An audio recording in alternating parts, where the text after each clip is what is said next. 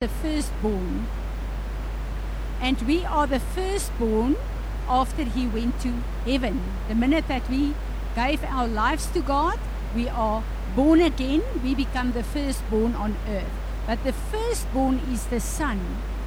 And Jesus had a walk and a way and a life on earth until a certain point where he understood he had to become a living sacrifice. And he went to Calvary. But he did not only stay as a sacrifice, he became the priest as well, the high priest. And last week we read the scripture in Hebrew, he's our high priest. And then the scripture that's very important for us, us in this time is the scripture in uh, Peter, um, two, uh, 1 Peter 2, verse uh, 9 and 10, where God said, I read it last week, but you are a chosen race, a royal priesthood, a consecrated nation, a special people for God's own possession, so that you may proclaim the excellencies, the wonderful deeds, and the virtue and perfections in Him who called you out of darkness into His marvelous light. Once you were not a people at all, but now you are God's people. Once you have not received mercy, but now you have received mercy. A very sad thing that happens is that when people get born again and they become children of God, religion take hold of them and keep them in a place where it's okay for them. I'm a child of God. Praise God, I'm going to heaven. That's actually our entrance into the kingdom of God. Now, everyone that enters there and stand in the door will act like a fool. We need to enter the kingdom of God and we need to sign up to become priest of the Most High God for Him to have an entrance in earth to build His kingdom through us.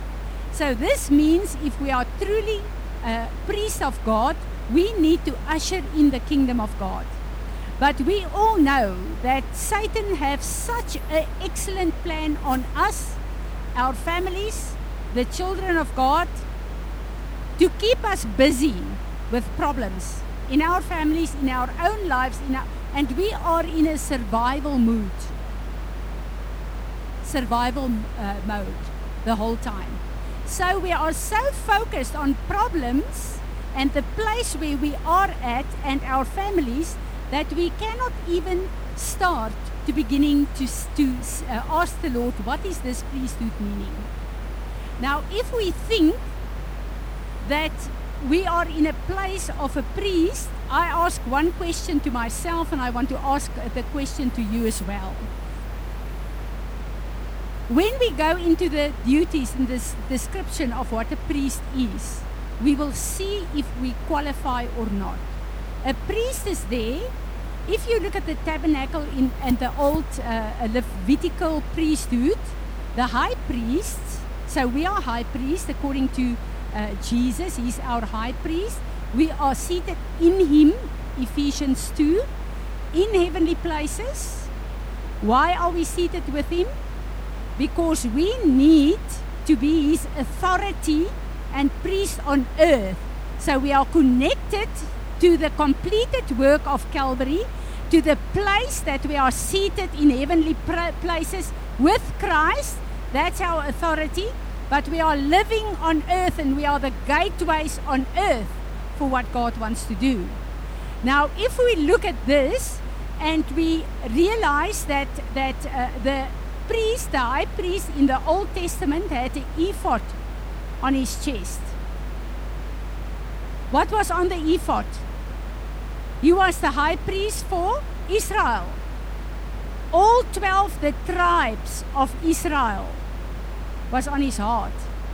Meaning that day and night he's keeping the tribes and the, the uh, uh, Israelites in prayer.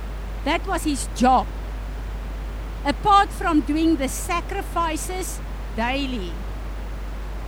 One of the jobs of us as high priest in Jesus Christ, we also wear an ephod. But what's on our ephod? all the nations of the world because that's God, God's heart. What is our call that God called us? Let's read the scripture in Matthew. Just quickly get it. Matthew 21, verse 13 says, My house, we are God's house, His temple. My house shall be called a house of prayer, not only for me and my family and my problems and my needs and my desires, but to the nations of the world. Now, if I ask this question to myself and to you, you will know that we are not even in the place where we understand our job description. How many nations do you pray for? How often do you pray for the nations? Do you think that we at this stage understand what is our role as priest? If we look at our role as a priest. And I trust God that He will train us and that we will really get enlarged by His Spirit to understand this.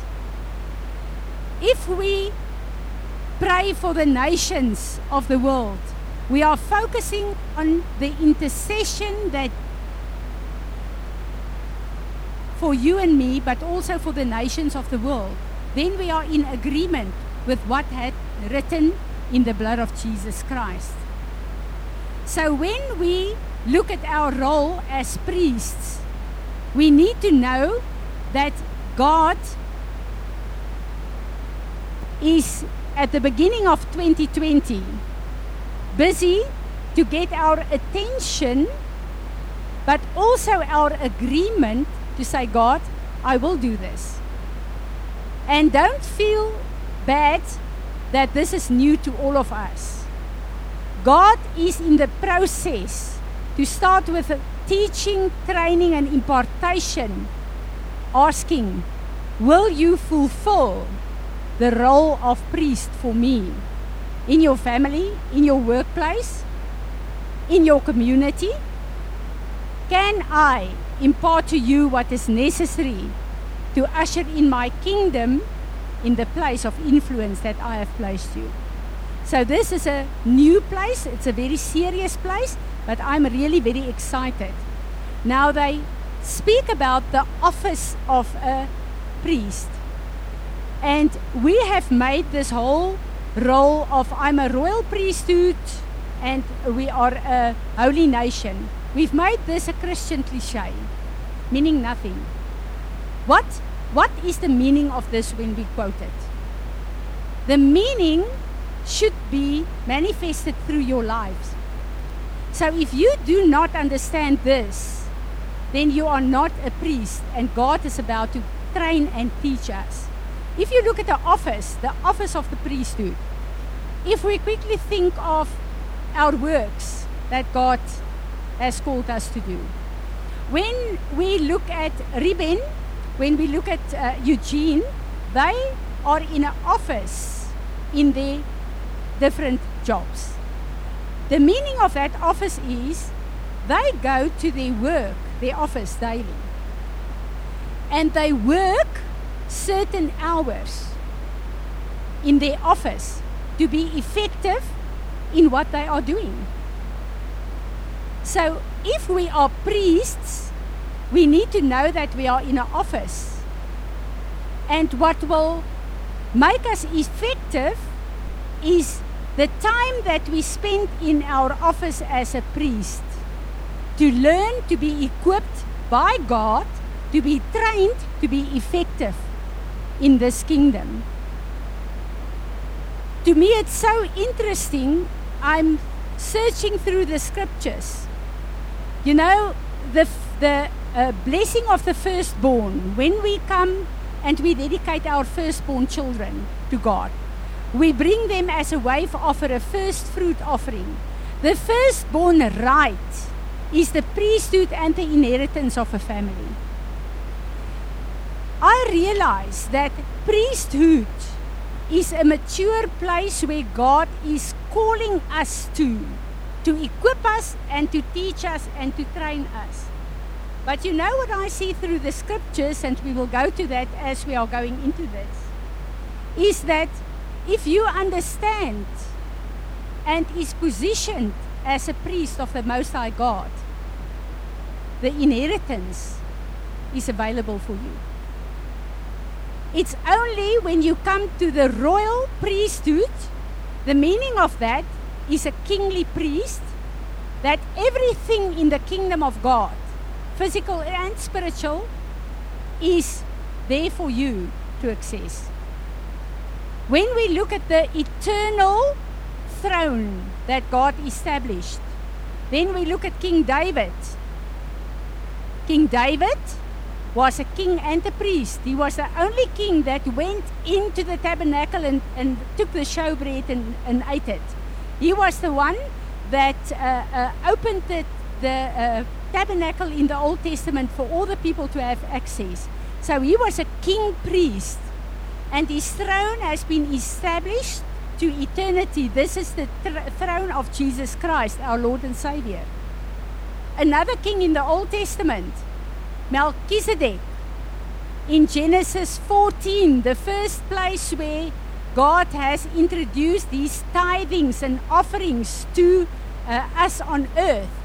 So he had the position to receive God's tithings and offerings, but he also could, in the Old Testament, serve David, uh, serve uh, Abraham with a communion.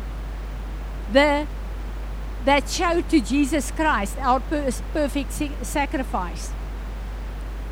I want to go back to just touch on this uh, revelation that God really gave me yesterday uh, of uh, our hearts and the heart of God. If we look at the kingdom, Jesus came in and he said to us in Matthew, Repent, for the kingdom of God is at hand. Now we know that Old Testament, the whole Levitical priesthood, that is our pattern for today. The only thing that really disappeared is the sacrifices because Jesus is to all eternity our only sacrifice. But when we look at uh, the Levitical uh, priesthood, we understand that is a pattern. A lot of the things that we, uh, we they did there is there for us still to uphold in a New Testament way. But uh, uh, when we look at the, the whole principle of a kingdom, then we know that a kingdom have a government. And the government have laws. So the government of God is the priests on earth. They are God's government. The law is the word of God.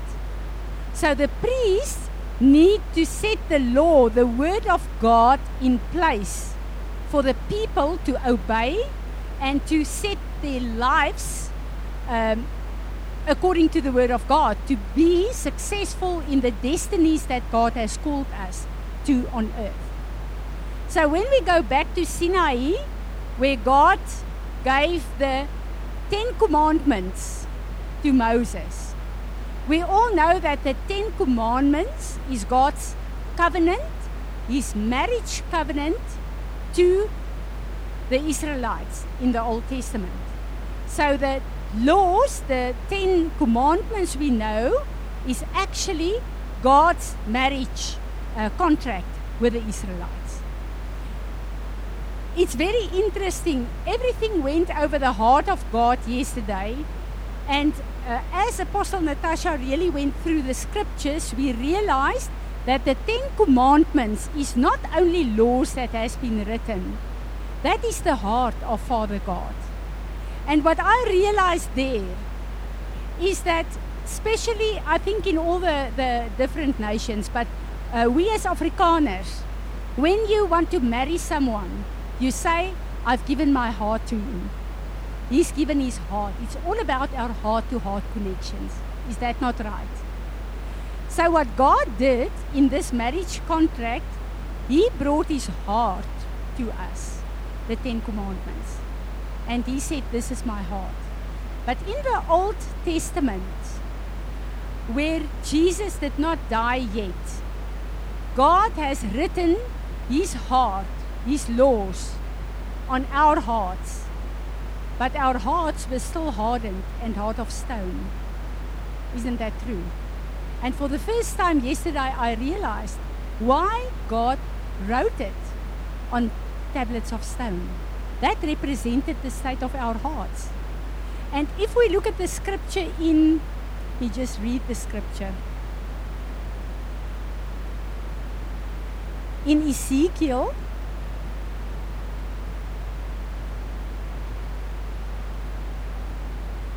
just quickly go to the scripture.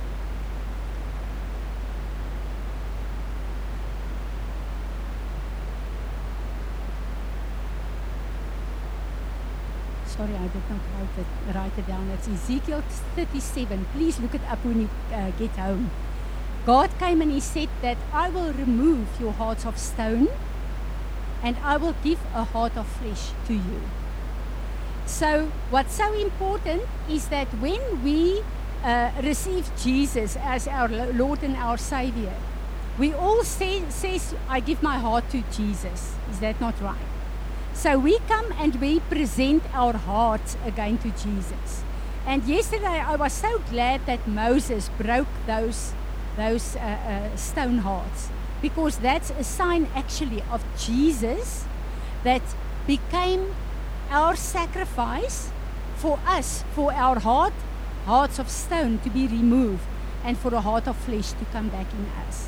And now the word of God says in Colossians that when we go through the water baptism, there's a circumcision, if uh, Colossians 2, verse uh, 14, uh, there's a circumcision that is not made with hands, a circumcision of your heart. So the minute that you get the circumcision of your heart, the heart of God, His word, has been engraved in our hearts again. Isn't that amazing? That's amazing. So God comes and He engraves His heart on our heart again, and we've got the Holy Spirit of God to help us for this re, uh, uh, word on our hearts to speak to us, to direct our lives, um, to, to uh, uh direct our footsteps. And I looked at this whole thing of the heart. God gave his heart to us. And I look at the word our hearts. What's the place of our hearts? So Proverbs 4 verse 23 says, Keep your heart with all vigilance, for from it flow the springs of life. Our, our heart is our life source. Everything comes from our heart. This is why our heart is so, so uh, important to us. We know in Acts uh, 13, verse 22, why did God say, David is a man after my own heart? Exactly what we are hearing. He was a man after my own heart. God says David understood his heart and he allowed his heartbeat to uh, be the heartbeat of God. When we look at the, the life of David and we see his sin and his, then we think, how come that God says that he's a man after my own heart? It's because he knew the heartbeat of his father and he answered to that. Acts 13, verse 22. And when he had removed him, he raised up David to be their king, of whom he, God, said, I have found in David the son of Je- Jesse, a man after my heart, who will do all my will. When we have the heartbeat of our Father, when we obey His heart that has been engraved on our hearts, we are a man after God's own heart. God rejoices over us. When we look at Jeremiah, uh, Jeremiah 17, verse 10, uh, verse 10 I, the Lord, search the heart and test the mind, to give every man according to his own ways, according to the fruit of his deeds. God first tests our hearts. First, our hearts. And then what's going on in our minds. Because our heart determines what's going on in our minds. Our heart is the source of our life. So our hearts are they connected to God's heart or are is our hearts connected to the wor- world system and our flesh? When Jesus ministered to uh, the disciples in Matthew 22, verse 37, he said something. He said, Love the Lord your God with all your heart and with your soul. First your heart, and then with your soul, then your mind. So the intentions of your heart is, in, is important to God, not the deeds that you are doing. Um, 2 Corinthians 9, verse 7 Each of you should give what you have decided in your heart to give, not reluctantly or under compulsion, for God loves a tearful, cheerful giver. No use if you think, oh, I'm in church, I better maybe just come and throw some money in here. Just leave it. What is the intention of your heart? Do you want to honor God and worship Him with your money? See what's in your heart. If there's something in your heart that's not honoring God, please don't try to bring offerings to Him. Something that really, really um, uh, touched me this morning. You know, we all read the story of, uh, of uh, uh, and Ananias. And I thought, oh my, if this is going ab- uh, uh, about, if this is just about lying, uh, a lot of us is not going to live if that era is opening up again. But you know, something that I read there touched me. But Peter said, Ananias, why has Satan filled your heart to lie to the Holy Spirit? It's so important for us to understand how important our hearts is in this situation. Because they came in and they made a whole show. They are doing the right things. They sold their property. They are uh, uh, really just uh, doing what what is expected from them. But in their hearts, they were dishonoring God and lying to the Holy Spirit of God. And the acts and the deeds that they they did was not important. It was the hearts. And God showed their hearts to Peter. And at that moment, they fell dead and they died. So this is so important to make sure that our hearts is connected to the heart of God. Uh, we know Simon, when Peter said to him, May your money, try to offer money to buy the power of the Holy Spirit. May your money be destroyed along with you because you thought you could buy the free gift of God with money. You have no part or share in this matter because your heart, your motive, your purpose is not right before God. So repent of this wickedness of yours. I realize that this is why David, the minute that in his heart the sin broke the heart of God, he reacted immediately and he started repenting. And he said, God, please forgive me. Give me back a clean and a pure heart. He knew that he his heart need, need, need to be pure before God. When we look at the, the uh, um, word uh, of God, we realize that if we do not, as priests, spend time in the Word of God to come to know the Word of God, we will not even know certain things in our lives and heart is there. We need to know the Word of God because the Word of God need to wash us, all the filth, all the stuff from our heart. And we all know the scripture saying that we do not know what's in our hearts. There's wickedness in there. God need to show us. We cannot say God knows my heart or I know my heart. You don't know your own heart. We need the Holy Spirit of God to come and search our hearts. Uh, the scripture in uh, Ephesians 5, verse 26 is so important.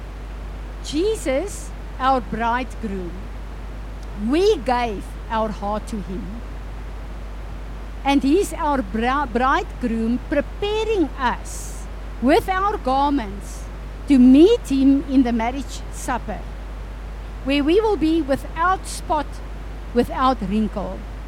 This cannot happen if we do not fulfill our priestly duty to spend time in the Word of God, to come and know the Word of God for my own life. Ephesians 5:26 so that he Jesus might sanctify the church me having cleansed her by the washing of water with the word of God so that in turn he might present, present the church to himself in glorious splendor, without spot or wrinkle or any such thing, but that she would be holy, set apart for God, and blameless. This was so important for me because I know there's a lot of filth in my heart that I do not even know this minute. I need God to come and wash me with His Word. So, how can He do it if we do not spend time in the Word of God? I realize we are in a very serious time. God said He opened an era to us, calling us to become His priest, to fulfill our job description. We are standing actually just in the doorway, entering a new phase where I trust God with my whole heart that He will come and wash us, that He will come and anoint us, that He will impart to us what is necessary, that He will teach and train us what we must do in our lives to obey His call of being a priest of God. It's very important for us to see something that Apostle Natasha did yesterday impressed me a lot. When we look at this, the word in Colossians 2, verse 14 to 18, I think, the word says that there is a handwriting and a paperwork against each and every one of us. What's the meaning of this? All the contracts, all the sin, all the alliances our forefathers and we made with other gods and principalities and powers, to agree with them, to serve them. There's paperwork against me and you that we need to deal with. But when we look at the legality, I hope that's right, um, Eugene, of the paperwork and the documentation when we look at that, we realize it's very, very serious and it's things that we need to deal with to get that cancelled. But you know, when you apply for a job and when there's a call for you to say, I want you to enter into this, you need to sign a contract. Is that true? To say, I accept this and I'm available to be trained and equipped to stand in this position. And yesterday at Ariel Gate, they had forms uh, with a word on, with a declaration to say, God, I am prepared to enroll in this place as a priest of the Most High God. So next week, I'm going to hand out this documentation and we are going to do that. Everyone that do want to do it please you make sure if you want to do it uh, if you feel you are not going to do it rather not do it because it's very serious. But the moment that we enroll we need to know that god is going to train us to raise us to equip us to be priests. I want to usher in the kingdom of god but i also want and need the inheritance that Jesus completed on Calvary for me in my life to do what God wants me to do on earth. Amen. So I am really very, very excited, and I know that God is going to confront us, to teach us. We are going to be excited, but I know it's a new time, a new phase that we are entering in. And I know that what God is going to reveal to us is going to enlarge us in our capacity to understand who He is in the first place and then who we are. Amen. Anyone with a question, with a scripture, with wanting to add anything, Pete? So yesterday at Ariel Gate, um, the Lord started showing me something that um, spoke to Apostle Natasha about. And this morning, as Daddy Francis spoke, he showed me that same thing. And uh, you know, I was struggling. You know, should I should I say this or should I not? And I asked the Lord, you know, if Daddy Francis called me out specifically, then I will do it. um, he showed me yesterday that we st- stand outside this big office block, this big office building that we have abandoned, and the the enemy basically hijacked that office building like like around and took us all inside of that office building. And inside that office building, each one of us have an office with our names, you know, inscribed at the door, and we need to choose to take up that office. And every one of those offices look different. It's bigger, it's smaller, it's but that's irrelevant. The fact of the matter is that office is neglected and and all the resources and all the stuff that we need is inside that office. And Our job is to work with obedience with the Holy Spirit to occupy that office and to maintain it. And I've the Lord showed me two distinct warnings. The first one is in that office building there's a common break room that is there for our our enjoyment. And he said to me, do not use that break room. And the second thing is you do have leave, you have sick leave, but you won't do not use your leave.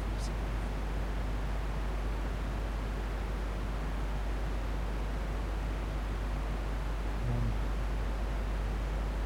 dat dan iemand nou op het toe.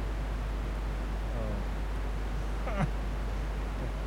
Now this is something I read last night. It's uh, Francis Frangipane. And uh, the topic is the army of worshippers. And um, there's nothing really that I can highlight, so I'm going to read everything. It's not, it's not a lot. So we were created for God's pleasure. We were not created to live for ourselves, but for Him. And while the Lord desires that we enjoy His gifts and and His people, He would have us know we were created for first for His pleasure. In the closing moments of this age, the Lord will have a people whose purpose for living is to please God. In them, God finds His own reward for creating man. They are His worship- worshippers. They are not earth only. They are on earth only to please God, and when He is pleased, they also are pleased. The Lord takes them further and through more conflict than others. Outwardly, wardly, they often seem smitten of God and afflicted. Isaiah 53 verse 4. Yet to him they are his beloved.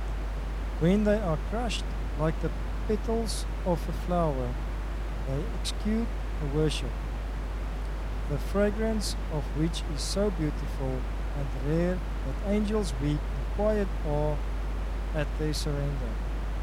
They are the Lord's purpose for creation. One would think the Lord would guard them, keeping them from grief. Isaiah 5 verse 3. Yet in the midst of their physical and emotional pain, their loyalty to Christ grows pure and perfect. And in the face of pers- persecution, their love and worship towards God becomes all consuming. If only all God's servants were so perfectly surrendered, yet, yet God finds His pleasure in us all. But as the days of the kingdom draw near and the warfare at the end of this age increases, those who have been created solely uh, for the worship of God come forth in the power and glory of the Son. With the high praises of God in their mouth, they will execute upon his enemies the judgment, judgment written. Psalms 149. They will lead as generals in the Lord's army of worship. Amen. What did Apostle Tim say when he was here last? Perez will be a house of warriors. And we are in war, so in this whole process, we are going to worship as one of our strongest weapons, and we will war uh, and do the, the wars that God is calling us to. How is this going to look like? I don't know. We will walk it out and we will do and obey God as He called us. Amen. I want us to stand and I want us to repent this morning. And this is just a starting process of repenting that God will really come and cleanse our hearts and that God will give us pure hearts and that He will really come and teach us in this new place. Father God, I want to humble myself before you. I want to repent of an impure heart, the wickedness in my heart. I pray that you will bring everything in my heart to the light, that I can see it, that I can repent before you, that I can rep- that I can change my mind and my ways. Holy Spirit, I need you in this. Have mercy on me. I want to give my heart to you anew. Wash it with the blood of Jesus. For I want a tender heart, full of love, for you to work through. In Jesus' name. Amen. May- You may be seated. Let's celebrate the communion of our Lord.